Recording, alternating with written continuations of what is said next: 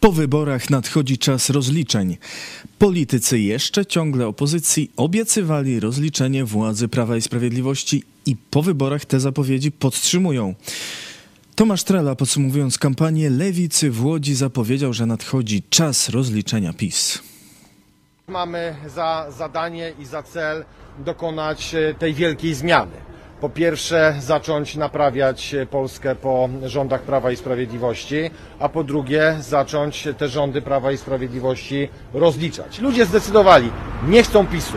Czas PiSu się skończył, teraz zaczyna się czas uśmiechniętej, wolnej, demokratycznej Polski i zaczyna się czas rozliczenia rządów Prawa i Sprawiedliwości. I to będziemy robić. Szymon Hołownia z trzeciej drogi też zaraz po wyborach obiecywał rozliczenie winnych. Na Twitterze napisał: My, przedstawiciele demokratycznych sił, będziemy budować państwo demokratyczne, gospodarne i sprawiedliwe. Rozliczymy winnych, ale nie będziemy dzielić Polek i Polaków ze względu na to, na kogo oddali głos w tych wyborach. Polska to duży kraj i zmieścimy się w nim wszyscy. Hołownia stwierdził też, że większość posłów PiS powinna stanąć przed komisją. My na pewno nie będziemy tam nikogo łowić ani szukać. Jeżeli ktoś chce przyjść na tę stronę i powiedzieć, że zrozumiał swój błąd i widzi, że Polacy chcą zupełnie czegoś innego i nadzieja społeczna jest dzisiaj w zupełnie innym miejscu, proszę bardzo, możemy rozmawiać o warunkach e, e, takiej współpracy, ale to też z całą pewnością nie będzie dotyczyło zdecydowanej większości tego klubu, bo ten klub powinien dzisiaj w większości stanąć przed Komisją Prawa i Sprawiedliwości i odpowiadać za to, co zrobił, a nie szykować się do popierania tej czy innej większości z drugiej strony. Był czas na spektakularne nawrócenia przed niedzielą 15 października.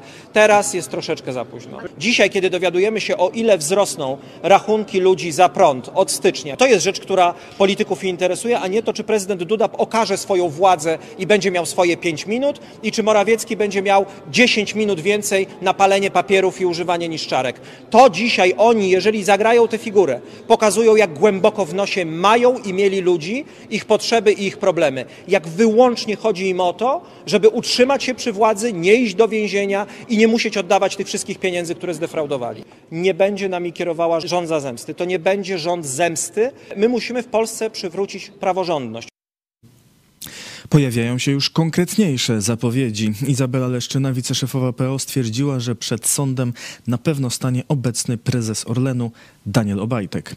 W wywiadzie dla Many.pl powiedziała: Obajtek stanie przed sądem, to dla mnie jest jasne. Przecież składaliśmy już do prokuratury doniesienia w sprawie sprzedaży za bezcen rafinerii w Gdańsku Arabom, którzy w dodatku popierają Putina. Słyszałam, że Daniel Obajtek szuka teraz kontaktów w naszym środowisku i dzwoni do różnych ludzi z opozycji. Szuka nowego parasola ochronnego, ale wśród nas na pewno go nie znajdzie. Posłanka Leszczyna podkreśliła, że istnieje lista wysokich urzędników państwowych, którzy łamali prawo stworzona dzięki dziennikarzom śledczym i kontrolom poselskim, ale nowa władza nie będzie się koncentrować tylko na informacjach medialnych, ale zamierza zrobić audyt we wszystkich ministerstwach. Mamy precyzyjną procedurę, wiemy jak to zrobić i zrobimy. Nie potrzebujemy do tego żadnych nowych ustaw ani Andrzeja Dudy. Jednym z efektów będzie Biała Księga Finansów publicznych, powiedziała Leszczyna. Zapewniła też, że zaraz po zaprzysiężeniu nowego rządu pracę w spółkach Skarbu Państwa stracą wszyscy partyjni nominaci i rozpocznie się wspomniany audyt w ministerstwach, a także w agencjach wykonawczych i funduszach celowych, także w funduszach obsługiwanych przez BGK i w Polskiej Fundacji Rozwoju. Złożyła też ważną obietnicę, że następcami odwołanych pisowców nie będą inni nominaci polityczni. Chcemy do spółek powoływać menedżerów w sposób absolutnie transparentny i na podstawie bardzo konkretnych wytycznych oraz opisu niezbędnych kompetencji. Nie może być tak, że do spółki na stanowisko prezesa czy menedżera idzie ktoś bez doświadczenia na rynku i bez dobrych wyników w zarządzaniu spółkami giełdowymi. To nie będą politycy koalicji obywatelskiej, trzeciej drogi czy lewicy. Izabela Leszczyna podała jeszcze jedno nazwisko, obiecując, że obecny prezes NBP Adam Glapiński stanie przed Trybunałem Stanu. Postawienie Adama Glapińskiego przed Trybunałem Stanu było zapisane w stu konkretach Koalicji Obywatelskiej. Ponadto KO przed Trybunał Stanu chciało postawić Andrzeja Dudę, Mateusza Morawieckiego, Jacka Sasina, Zbigniewa Ziobro, Macieja Świrskiego, przewodniczącego Krajowej Rady Radiofonii i Telewizji oraz ministra kultury Piotra Glińskiego. Co do prezydenta, będzie to trudne, bo nowa koalicja nie będzie mieć w parlamencie większości pozwalającej przegłosować postawienie głowy państwa przed Trybunałem Stanu. Tu potrzebne są dwie trzecie głosów Zgromadzenia Narodowego, czyli łącznie Sejmu i Senatu. To jest 374 głosy, a nowa koalicja może liczyć w sumie na 314. Ale w przypadku choćby prezesa NBP, członków Krajowej Rady Radiofonii i Telewizji czy zwykłych posłów wystarczy większość głosów w Sejmie. KO obiecała też w kampanii złożenie wniosków do prokuratury o pociągnięcie do odpowiedzialności karnej innymi Jarosława Kaczyńskiego, Łukasza Szumowskiego, Janusza Cieszyńskiego, Antoniego Macierewicza, Jacka Kurskiego, komendanta policji Jarosława Szymczyka czy Piotra Wawrzyka. Przy czym według obietnicy wnioski te miały być składane do niezależnej i odpolitycznionej prokuratury, a z tym, jak mówiliśmy już, może być problem przynajmniej przez najbliższe dwa lata. Rozliczenia mają być nie tylko personalne. Poseł KO Michał Szczerba zapowiedział w TOK FM likwidację 16 instytucji powołanych przez Prawo i Sprawiedliwość. Wśród nich mają być Fundusz Patriotyczny, Polska Fundacja Narodowa czy Narodowy Instytut Wolności. Będziemy też stosować konfiskatę majątków oraz konieczność rozwiązywania umów na te wszystkie wille plus. Również Bąkiewicz straci te nieruchomości i posiadłość, którą nabył za blisko 2 miliony złotych z tak zwanego Funduszu Patriotycznego, powiedział poseł Szczerba. Zapowiedział też powrót do wszystkich spraw umorzonych przez prokuraturę Ziobry. A kwestia rozliczania sięgnęła już nawet Parlamentu Europejskiego. Europoseł KO, europoseł Platformy Obywatelskiej Andrzej Halicki wspomniał o sprawie Pegasusa. Chciałem z tego miejsca zapewnić, że nowy polski rząd nie tylko wyjaśni aferę związaną z nielegalnym używaniem nielegalnych oprogramowań szpiegowskich Pegasus w Polsce, ale także ukaże winnych, bo tak powinno być, jeżeli ma działać sprawiedliwość, prawo i sprawiedliwość. O rozliczaniu mówi także Konfederacja, która była wskazywana jako potencjalny koalicjant PiS. Krzysztof Bosak w wywiadzie dla Rzeczpospolitej stwierdził, Będziemy zdecydowanie za rozliczeniem. W poprzedniej kadencji Sejmu złożyliśmy projekt uchwały o komisji śledczej w sprawie afery zbożowej. Wyjaśnienia wymagają także wydatki na COVID. Chcemy, żeby ludzie, którzy są winni złamania prawa, poszli do więzienia, jeżeli będziemy mieli na to wpływ, a przynajmniej zapłacili za to cenę eliminacji z życia publicznego.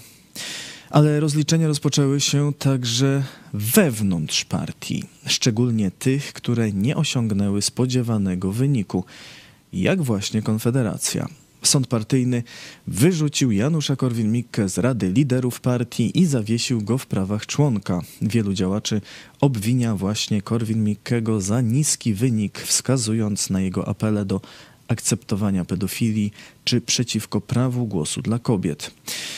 Janusz Korwin-Mikke nie wejdzie do nowego Sejmu. W jego okręgu na liście Konfederacji pokonała go Karina Bosak, żona innego lidera Konfederacji, prawniczka z Ordo Juris. Korwin-Mikkego do sądu partyjnego podał Witold Tumanowicz, narodowiec, szef sztabu wyborczego Konfederacji. Ale korwinowcy mu się odgryzają. Najpierw wypominali Tumanowiczowi jego własne kontrowersyjne wypowiedzi, jak choćby te o rejestrze pedałów. A potem zaczęli oskarżać o zdradę, swojej żony. Prezes londyńskiego oddziału partii Korwin, części Konfederacji, Jakub Grygowski, napisał w mediach społecznościowych, czy żona Tumanowicza dowiedziała się już o jego prawdopodobnym, z ostrożności procesowej, romansie z pewną partyjną małolatą, czy nadal myśli, że to taki fajny i wierny nacjo-katolik?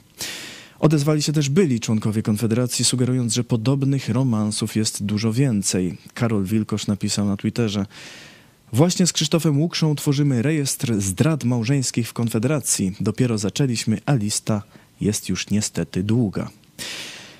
Takie są efekty wyborczej porażki w Konfederacji. PiS rozliczenia personalne odłożyło na później. Jarosław Kaczyński miał na naradzie po wyborach powiedzieć, że on jako lider bierze porażkę na siebie. Ale czy to znaczy, że odda władzę w partii? No raczej nie. Choć głosy, że powinien tak zrobić, już się pojawiają i to w otoczeniu prezydenta. Marcin Mastalerek, doradca społeczny prezydenta Andrzeja Dudy w Radiu Z stwierdził, że Kaczyński powinien już odejść na emeryturę. Dialog między dziennikarzem a politykiem wyglądał tak. Kaczyński powinien odejść na polityczną emeryturę, tak czy nie? Tak. PiS koncertowo zawalił tę kampanię, tak czy nie? Tak, odpowiadał Mastalerek. Według źródeł Onetu prezes PiS wstrzymał na razie rozliczenia personalne.